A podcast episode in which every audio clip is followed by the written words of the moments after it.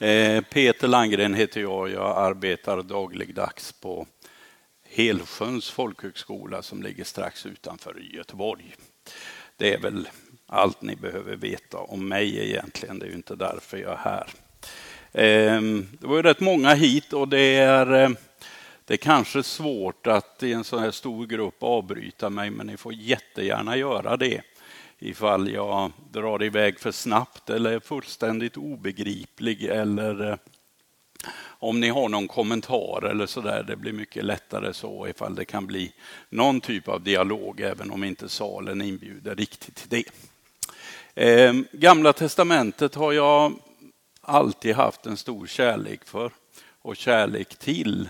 Det är ju lite lustigt det där när jag läste teologi i Lund så blev jag inbjuden till någon ungdomsgrupp i något tillfälle att tala om Gamla testamentet. Och eh, ovis och järv och frimodig som jag var så tackade jag ja till det. Och sen när man har haft ett föredrag i ett ämne en gång och får en inbjudan till om samma ämne, då blir man plötsligt expert. Ehm, och sen har det liksom fortsatt, för sen blev jag ju tvungen att läsa och studera och har undervisat i 30 år i Gamla testamentet på Helsjön faktiskt. Gud i Gamla testamentet. Ehm, jag vet inte hur bevandrade ni är i Gamla testamentet.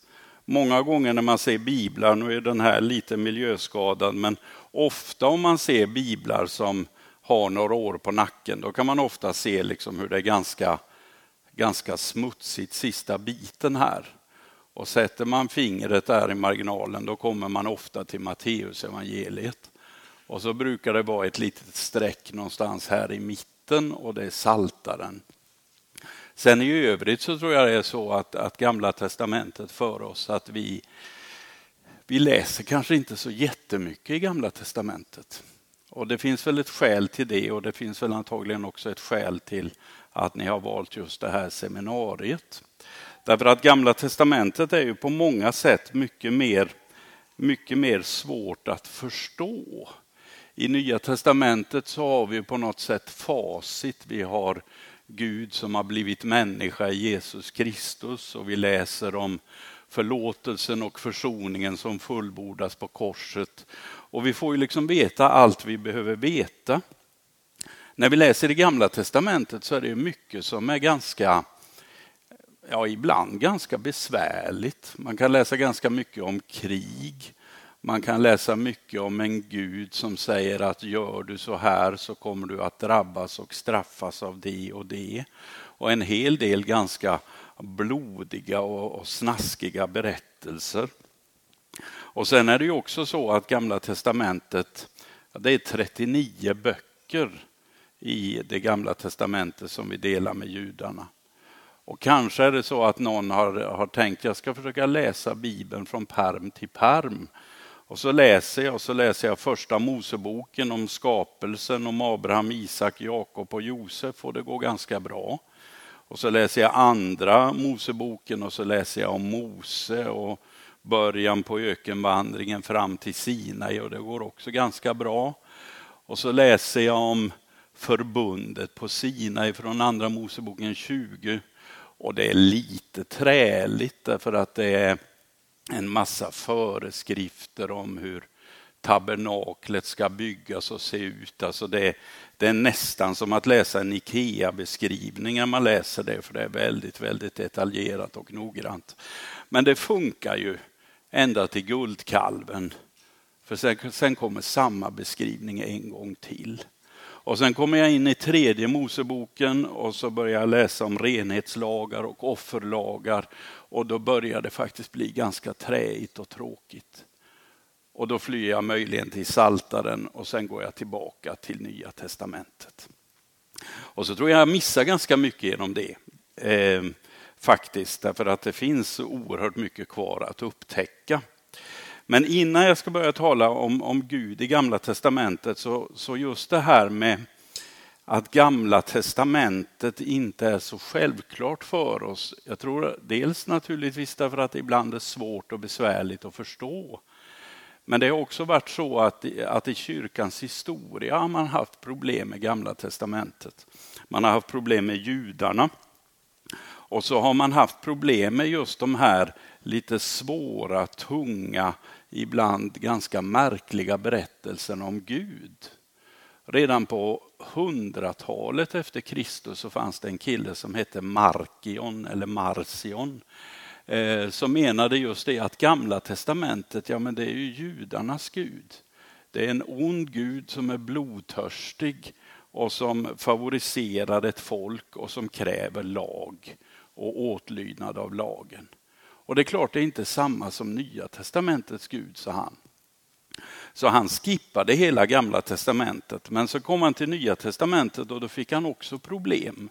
Därför att i Matteus evangeliet inte minst så har ni väldigt många citat från Jesus som kopplar tillbaka till gamla testamentet. Och då sa han att Matteus evangeliet, ja men det är judiskt, det kan vi inte ha. Eh, så till slut så kom han fram till att det enda evangeliet som var något att ha, det var Lukas evangeliet. Men så fick han rensa det och så hade han tio Paulusbrev. Och det där var en ganska stark kraft som höll på att splittra kyrkan till man till slut ändå återvände till det som är bekännelsen i kyrkan, nämligen att detta är en del av uppenbarelsen från Gud. Men läser vi fortsatt i historien och kommer fram till vår tid. Nu har jag i min hand här Bibel 2000 som är en av Sveriges offentliga utredningar eh, som presenterades för Sveriges riksdag hösten 1999. Då togs den emot av dåvarande statsministern Göran Persson. Och Göran Persson tackade Bibelkommissionen för sitt arbete och sa att det här är ju ett ovärderligt verk på vilket hela det svenska samhället vilar. Och det fick eh, en skribent att gå i taket fullständigt och menade så kan inte Göran Persson säga. Därför att Gamla testamentets Gud är ju en, en favoriserande, patriarkalisk, oerhört manschauvinistisk, lynnig, blodtörstig och genuint opolitlig Gud. Så ska vi ha Gamla testamentet måste vi förse den med varningstext, sa hon. Ehm, och det var ju också en kraft. Sen kom för några år sedan en bok av, av Jonas Gardell som heter Om Gud. Jag vet inte om det är någon som har läst den. Ehm, jag kan säga när jag läser den boken så ibland så tycker jag den är fantastisk. Eh, ehm, jag ifrågasätter inte på något sätt hans fromhet och hans vilja. Men ibland så blir jag också riktigt bedrövad därför att Jonas Gardells tes det är egentligen den att det finns två gudar i Gamla testamentet. En stamgud, blodtörstig, patriarkalisk gud och den måste vi välja bort. Och så finns det en kärleksfull Gud och den ska vi behålla. Och så får man sitta och plocka däremellan. Och nu tror jag inte det, alltså jag kan inte inta den positionen därför att Jesus räcker ju egentligen som argument för att motivera att vi ska ha gamla testamentet. Jesus säger att inte en bokstav, inte en prick av lagen ska förgås. Eh, och Jesus säger också i olika sammanhang, till exempel när han frestas av djävulen i Matteus 4, så svarar han hela tiden med citat från Gamla Testamentet. När han diskuterar med fariseerna så är det också Gamla Testamentet han kopplar tillbaka till. Och då får jag ju antingen säga att det där har Jesus inte sagt, det är inte, inte genuina Jesusord. Eller också får jag säga att Jesus inte fattade.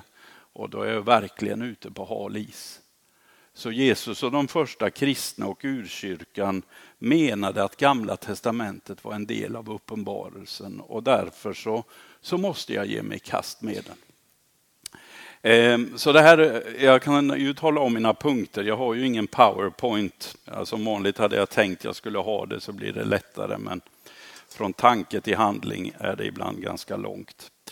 Ehm, det här var någon form av liten, vad ska jag säga, bara allmän svulstig inledning.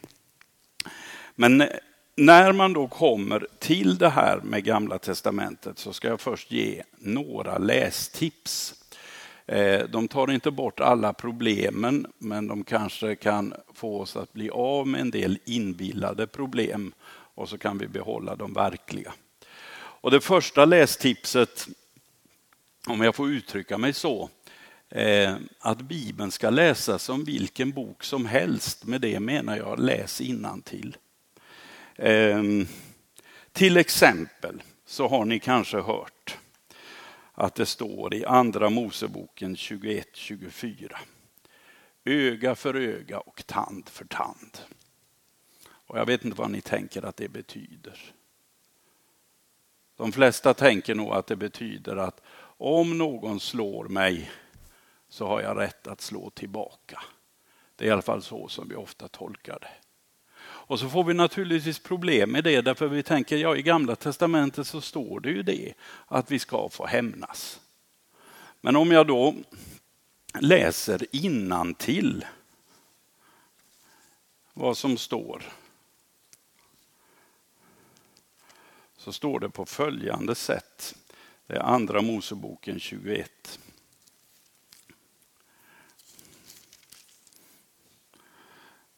Om jag läser från vers 23. Sker skada ska du ge liv för liv, öga för öga, tand för tand, hand för hand, fot för fot, bränt för bränt, sår för sår, skråma för skråma. Om någon slår sin slav eller slavinna i ögat och fördärvar det, ska han som ersättning för ögat frige den skadade. Slår han ut en tand på sin slav eller slavinna skall han som ersättning för tanden frige den skadade. Jag vet inte om ni hängde med där. Eh, men är det så att jag till exempel Kalle, får jag ta det som, jag känner mig väldigt trygg. Jag känner Kalle sedan gammalt. Eh, om jag nu slår honom på käften så handlar inte det här ordet om att då ska Kalle ha rätt att slå mig tillbaka. Därför att det här ordet är inte riktat till Kalle. Det är riktat till mig som har slagit. Det vill säga om jag slår Kalle på käften så är jag pliktig att gottgöra det som jag har gjort. För att försöka ställa till rätta det. Så det här är inte ett bibelställe som handlar om att du ska slå tillbaka. Utan det handlar istället om att du på något sätt ska försöka gottgöra det som du har gjort fel.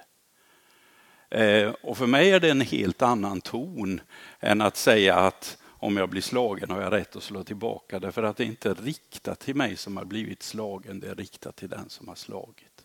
Och Det finns en massa sådana bibelställen där jag tror att vi tänker, vi läser ett ord och så tänker vi att det betyder och så ger vi oss inte tid att läsa till. Och därför så tror jag att just läsa till och att läsa i sammanhangen kan ibland hjälpa oss ganska långt när det gäller bibelställen. En annan sån här sak när det gäller att läsa till det är ju verkligen att, att se eh, vem som är subjektet i det som sker. Är subjektet begripligt ord? Man använder det väl fortfarande i svensk undervisningen, alltså den som är aktiv i handlingen. Vem är det som gör någonting? Exempel. I Domarboken kapitel 11 berättas det om en domare. Han heter Jefta. Och Jefta han gör som kanske du och jag ibland också gör eh, när vi är oroliga för någonting. Och I det här fallet ska han ut i krig. Och så ber han till Gud. Gode Gud, om jag vinner det här kriget så lovar jag dig att jag ska offra det första som kommer ut genom dörren till mitt hus. Och så vinner han kriget och så kommer han hem. Och vad är det första som kommer ut genom dörren till hans hus? Jo, det är hans egen dotter. Och Jefta blir ju alldeles förtvivlad över detta därför att han har ju lovat Gud att göra det här. Och samtidigt så får man ju inte offra fast han har ju, han har ju lovat Gud. Och hans dotter hon säger det, ja har du lovat Gud så får du väl göra det. Låt mig bara först gå upp i bergen och begråta min jungfrudom och så gör hon det i tre månader. Och så kommer hon ner och så gör Jefta det som han har sagt att han ska göra. Och det är en fullständigt fruktansvärd berättelse. Den är ju liksom så makaber och osmaklig och jag vet att Jonas Gardell lyfter upp den i sin bok också som ett exempel på på den Gud som är helt annorlunda än Nya Testamentets Gud. Men om jag nu läser innantill så kan jag ju observera att det står ingenting i den texten i Domarboken 11 om att Gud gör, att Gud säger eller att Gud kräver. Det som det står om i den här berättelsen, det står om en människa som på något sätt försöker köpslå med Gud och så sen så blir han bunden av sitt eget köpslående. Men det står inte att Gud säger att nu måste du göra det för att nu har du lovat. Och när jag läser den berättelsen så blir det för mig en berättelse som handlar om hur jag ibland kan slå knut på mig själv, inte därför att Gud kräver, men därför att jag tror att Gud kräver eftersom jag har lovat Gud.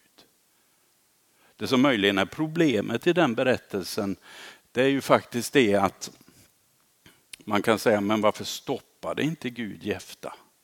Ja, det är ett problem. Men det problemet ska jag väl säga, det har vi ju hela tiden överallt. Varför stoppar inte Gud Assad i Syrien? Eh, varför stoppar inte Gud talibanerna i Pakistan? Varför stoppade inte Gud Breivik? Ja, det är ett av de problem vi har.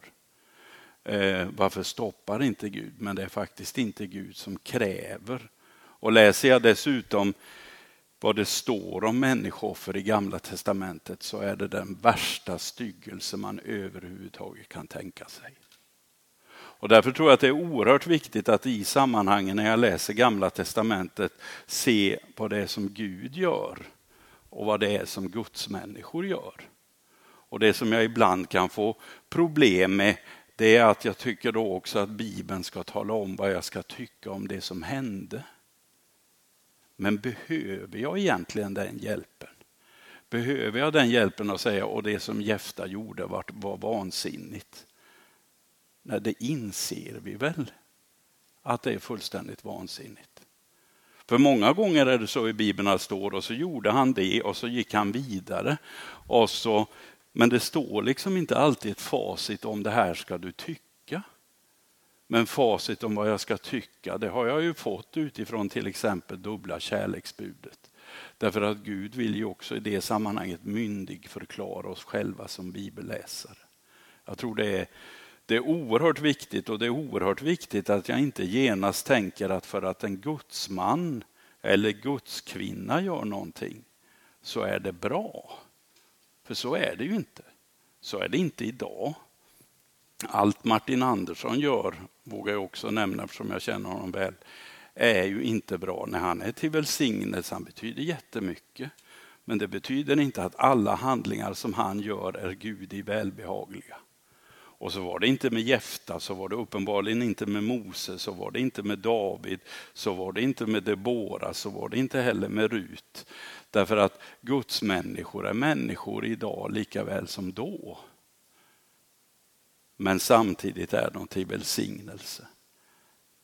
Men de är inte fullkomliga och det tror jag är oerhört viktigt att se vad det är som de gör och vad det är som Gud gör och vad som Gud gör genom dem. Så det är lite det där att, att faktiskt våga läsa till och våga läsa texten i dess sammanhang och sådär som är oerhört viktigt. Och sen tror jag också en sak till. Eh, när du kommer till en svår bibeltext, tro inte att jag tycker att det alltid är enkelt att läsa Bibeln. Eh, och jag har texter som jag tror jag kommer att på något sätt ha med mig som problemtexter hela mitt liv. Jag har också texter som har varit problemtexter i många år som idag inte är problemtexter. Och så jag hade, har jag texter som jag tycker är, har tyckt varit jätteenkla som plötsligt har blivit jätteproblem för mig. Men då är det ju så att Bibeln är ju primärt en relationsbok. Bibeln är till inte bara för att jag ska förstå Gud utan för att jag ska lära känna Gud. Och därför när du kommer till något svårt så våga brottas med texten och våga leva i brottningskamp med texten. Och ibland så får jag en lösning i brottningen, ibland får jag lämna det och återvända till det sen. Men på något sätt att inte bara genast avfärda för att jag tycker att detta är konstigt. Därför att detta är ett huvudtema i hela gamla testamentet. I första Moseboken kapitel 32 så berättas det om bedragaren, för han var verkligen en lurk. Han har ett namn som betyder bedragare. Jakob, Jakob. Och så berättas det om honom att han, att han brottas en natt med en man. Och den där brottningskampen blir liksom på något sätt inte avgjord.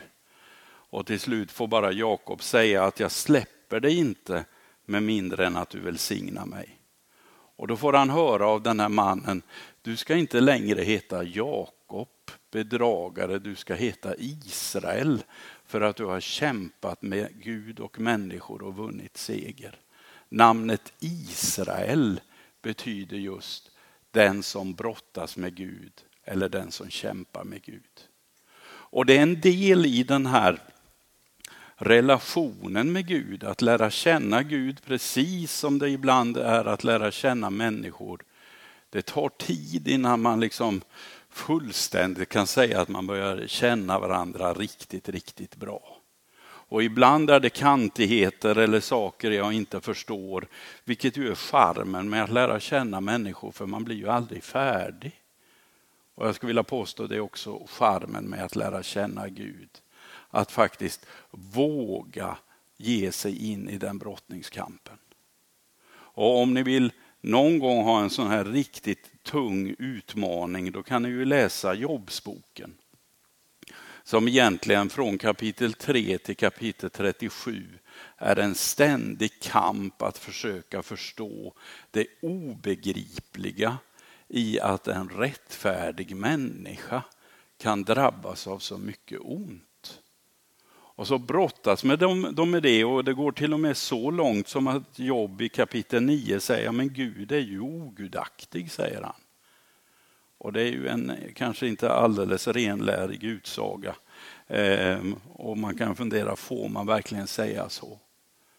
Jo, Jobb han får säga det därför att Därför att han är på något sätt så öppen och så nära i sitt förhållande till Gud så han förstår inte Gud och han säger att om du är sån här Gud, ja då, då blir det bara för mig väldigt konstigt. Och sen möter Gud honom från kapitel 38 och framåt, eh, men inte med ett fullständigt teoretiskt svar. Och ändå så blir Jobs slutsats så småningom i kapitel 42 att han säger, förr hade jag bara hört om dig nu har jag sett dig med egna ögon. Han har inte fått svaret på frågan om lidandets problem. Men han har lärt känna Gud i sitt sökande efter svar. Så han har liksom på något sätt blivit trygg i detta. Och där tänker jag att, att det är modet att, att våga leva i ibland de ofärdiga lösningarna utan att bara riva ut sidan och säga att det här det kan jag liksom inte ha med mig i min bibel. Eh, det kan hända någonting om jag vågar utsätta mig för det. Och det är ganska spännande. Om jag får ge ett personligt vittnesbörd. Jag är rätt försiktig med att prata om mig själv men det här betyder Ja, det handlar egentligen inte om mig men just det där att leva i ordet och utsätta sig för ordet och vad det betyder. Jag kan säga för snart två år sedan eh, så flydde jag till Egypten faktiskt i två månaders tid eh, av olika skäl. Eh, och där, när jag var där i Egypten då, varje dag så uppsökte jag en en lerhydda i kanten av Saharaöknen precis där änden var på en stor olivlund. Och där satt jag ensam.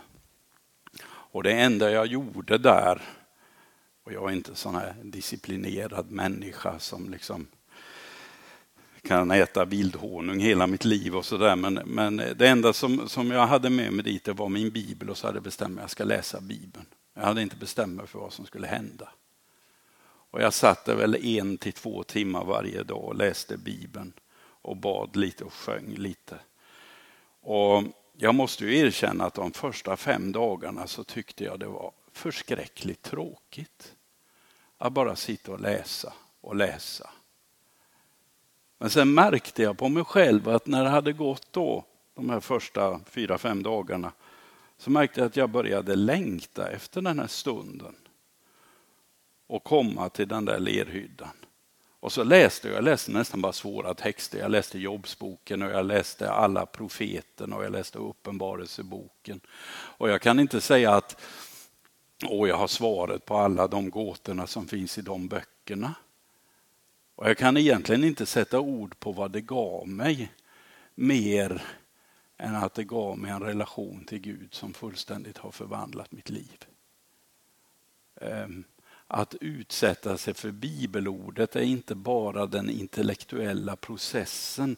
Det händer också någonting i mötet med Gud.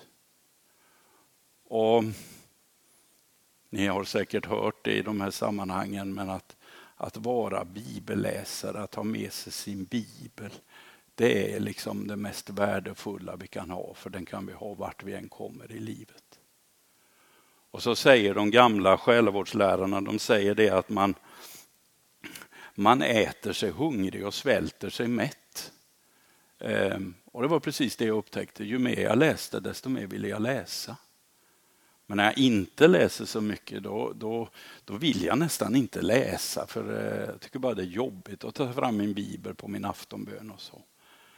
Men ju mer jag läste desto mer hungrig blev jag. Så. Och det här är inte modellen att söka öknen för alla, men jag har pratat om det här i så många år i mitt liv, egentligen hela mitt vuxna liv, där jag varit ute och undervisat och sagt var bibelläsare och jag är glad för det och jag är glad för att jag läst Bibeln. Men nu kan jag verkligen säga det, det är något speciellt med att utsätta sig för bibelordet. Även om jag inte alltid fattar vad det är. Men det blir sån här kvalitetstid med Gud som är oskattbar. Ja, nu är jag klar med min inledning. Ehm, och jag ska eh, bara ha lite koll på min tid här. Mm. Var, var detta begripligt överhuvudtaget det jag sa? Så ni är med något sånär? Några nickar i alla fall. Jag tittar på er och känner mig tröstad av er. Ehm, för då tänkte jag, alltså varför GT? Jag har fyra punkter. Om tio minuter ska vi ta en liten bensträckare. Varför? Ja, just det. Det var inte riktat just mot dig där. Eh, fyra saker som jag tänker, varför, varför gillar jag GT? Varför behövs GT så mycket? Och det första som jag skulle vilja lyfta fram det är det att, att det är faktiskt samma människor. Det är samma människor då som det är idag. Och Nya testamentet har ju egentligen ja, de har fem historiska böcker varav fyra berättar samma story med variationer, alltså evangelierna om Jesus och så här apostlagärningarna. I gamla testamentet så har du 17 historiska böcker plus ganska mycket berättande material också i profetböckerna. Det betyder att du har ett persongalleri som är oerhört omfattande. Det finns en massa olika människor och något av det häftigaste när man läser här det är ju faktiskt det att, att människor är inte prototyper. Alltså att detta är den perfekte gudstjänaren. Därför att de här människorna jag möter, de är, de är enormt olika. Om ni till exempel läser berättelser om när Gud kallar människor, så hittar jag inte en enda berättelse i Gamla Testamentet där den som blir kallad säger vad roligt Gud, äntligen har du upptäckt mig. Utan på något sätt när de möter kallelse från Gud, då ser de också sig själva och så händer någonting. Om jag tar en sån som Mose, som, som nu är kanske den mest mänskligt sett betydande gestalten i hela gamla testamentet och den som från andra Moseboken 3 pratar väldigt, väldigt mycket. Både till farao och till folket. När han får kallelsen av Gud så är hans reaktion i andra Moseboken kapitel 4, vers 10 så säger han Ack Herre, jag är ingen talför man. Jag har en trög tunga och orden kommer långsamt. Och till honom säger Gud, nu ska du gå och säga till farao, släpp mitt folk och nu ska du leda folket ut ur Egypten. Han kommer att göra det. Men det är oerhört spännande när man läser den berättelsen och ser att giganten Mose var rädd för att prata inför folk. Rabbinerna säger att han stammade, att han hade den typen av talfel, men vi vet inte riktigt säkert. Man kan också tänka sig att, att han var sån att han blev nervös om han skulle prata med mer än tre personer åt gången. Alltså den typen av, av invändning och vad sen Gud gör med en människa med den invändningen. Sen är det så spännande med Mose, på tal om vem Gud är. Därför då säger Mose det här och jag vågar inte och sådär. Och så säger Gud till honom, ja men vem har gett människan munnen så att hon kan tala? Är det inte jag, Herren? Och det är ju ett alldeles rätt och fromt och riktigt och uppbyggligt svar. Men Mose kan inte köpa riktigt det heller. Han säger, nej men du får ta någon annan i alla fall. Men då säger ju inte Gud, ja jag skyllde själv, då gör jag väl det. Därför att Gud kan ju använda vem han vill. Men nu vill Gud använda Mose. Och jag tror att Gud vill använda Mose också för Mose egen skull så att han ska lära känna Gud. Och därför säger Gud, ja men du har din bror Aron. Han är på väg nu att möta dig. Han ska vara din mun. Och när Mose får höra att just det, Gud skickar också en mänsklig hjälp eller en mänsklig krycka, ja då vågar han gå. Och så sen så händer det. Och det säger också någonting om Guds omsorg, att Gud säger inte bara gå nu, utan han ser också Mose invändning och Mose tvivel och Mose svårighet. Läser jag domarboken 6 så möter jag den gigantiske domaren Gideon. Och Gideon han eh, lever i en tid när fienden midjaniterna två gånger om året vandrar över Jordan och skövlar alla åkrar och allting sånt. Och han har gått in och börjat, har börjat klappa ut vete i vinpressen. Varför klappar han ut vete i vinpressen? Antagligen för att han är jätterädd och har gått och gömt sig där. Och så kommer Herrens ängel och säger Herren är med dig du tappre stridsman. Det är nästan lite ironiskt över detta. Eh, men så säger i alla fall Herrens ängel till honom, nu ska du gå och rädda folket. Och då säger Gidon, nej men du kan inte ta mig. Jag tillhör den oansenligaste familjen i hela Manasses stam och jag är minst i min faders hus. Det är Domarboken 6 detta. Eh, det är hans invändning. Men sen får han liksom ändå stöd och hjälp och uppmuntran att gå. Jeremia som ju är profeten som kanske tydligast talade om det nya förbundet, han säger jag är för ung. Jesaja som är kanske den mest genomtänkte teologen av alla profeter, han säger när han får kallelsen, ve mig, jag förgås, jag har orena läppar. Jag är en alldeles för stor syndare. Det är ett persongalleri och det är människor som när de möter kallelsen är fyllda av insikt om sina egna tillkortakommanden. Och jag tror det är en poäng i det. Det hjälper mig jättemycket. Eftersom jag själv känner så så ofta också. Därför att jag inser att när jag är orolig och när jag är nervös, ja då inser jag ju det jag alltid behöver inse. Nämligen att Gud är med mig och att utan Gud så faller det ändå platt i marken. Och så är det människor som är stora och gigantiska, men det är också människor som är, kan man tycka, oerhört oansenliga. Om ni läser i Andra Moseboken 1 så är det intressant därför att det nämns bara två namn i Andra Moseboken 1. Och det är inte farao. Farao som är en stor gigant, kanske är det Ramses den andre, vi vet inte säkert, som bygger de här stora byggnadsverken Pitom och Ramses och som säkert hela hans samtid tänker att ja, den här faraonen kommer aldrig att bli bortglömd och hans verk kommer alltid att finnas kvar. Men idag så diskuterar man fortfarande, vem var det? För man vet inte. Däremot fanns det två människor där som säkert inte så många kände till.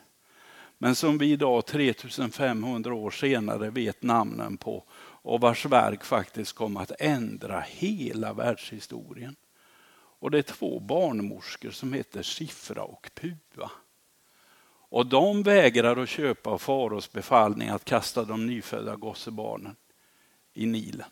Och det som de gör kommer ju att bli en oerhört viktig beståndsdel i det gudsfolk som sen förs ut ur Egypten och genom vilket Gud sluter det förbund som sen så småningom går vidare in i det nya förbundet.